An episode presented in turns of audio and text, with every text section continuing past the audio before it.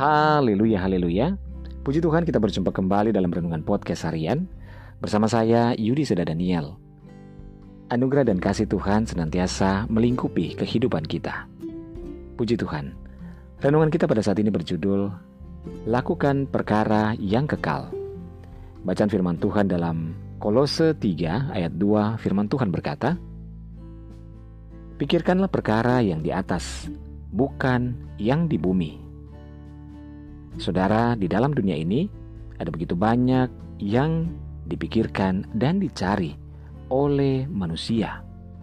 Bahkan mereka berlomba-lomba untuk memenuhi dan memuaskan keinginan dunia yang merupakan keinginannya dengan segala macam cara. Banyak orang yang memikirkan bahwa dengan harta dan kekayaan itu adalah sumber kebahagiaan dalam hidup mereka. Karena dengan harta yang banyak, mereka dapat memenuhi semua keinginan mereka yang menjadi kebutuhan dan keinginan daging mereka. Sehingga dengan segala macam cara mereka mencari sampai mendapatkannya. Perkara-perkara di bumi ialah yang mereka pikirkan dan mereka cari dengan tidak kenal lelah.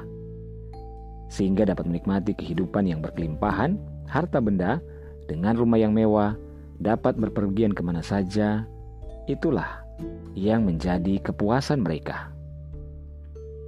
Saudara, menikmati segala kebahagiaan dengan harta kekayaan yang Tuhan izinkan untuk menjadi milik kita dan menikmati keindahan dunia ciptaan Tuhan memang tidaklah salah karena memang Tuhan menyediakan segala sesuatu di alam ini demi kebahagiaan manusia sehingga tetap akan bersyukur dan memuliakan Dia sepanjang hidup kita. Namun, bagi orang percaya, bukanlah demikian yang dikehendaki Tuhan. Jika banyak orang di dunia ini memikirkan dan mencari perkara-perkara di bumi demi untuk memenuhi kebutuhan jasmaninya saja semata, namun bagi orang percaya, kita dinasihatkan oleh firman Tuhan dalam pembacaan kita tadi bahwa pikirkanlah perkara-perkara yang di atas, bukan yang di bumi. Perkara-perkara yang di bumi hanyalah untuk memenuhi kebutuhan jasmani dan hanya bersifat fana sementara. Sedangkan perkara-perkara yang di atas adalah demi kebutuhan rohani kita.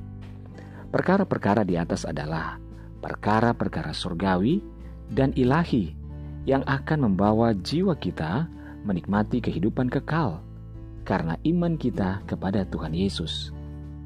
Oleh sebab itu, saudara, memikirkan perkara yang di atas atau perkara surgawi dan ilahi berarti kita memikirkan apa yang dikehendaki Tuhan dalam hidup kita. Sehingga tujuan Tuhan menciptakan kita dapat terlaksana dengan baik dan benar kita diciptakan Tuhan untuk memuliakan namanya di bumi dengan melakukan perintah-perintahnya sehingga kita menyenangkan hatinya. Dengan demikian, kita harus selalu mencari kehendak Tuhan bagi hidup kita. Temuilah Tuhan setiap waktu dan bertanyalah kepadanya tentang apa yang harus kita lakukan. Apalagi dalam menghadapi masalah dan perkara yang besar, baik perkara di dunia terlebih perkara yang menyangkut iman dan rohani kita. Bertanyalah kepada Tuhan.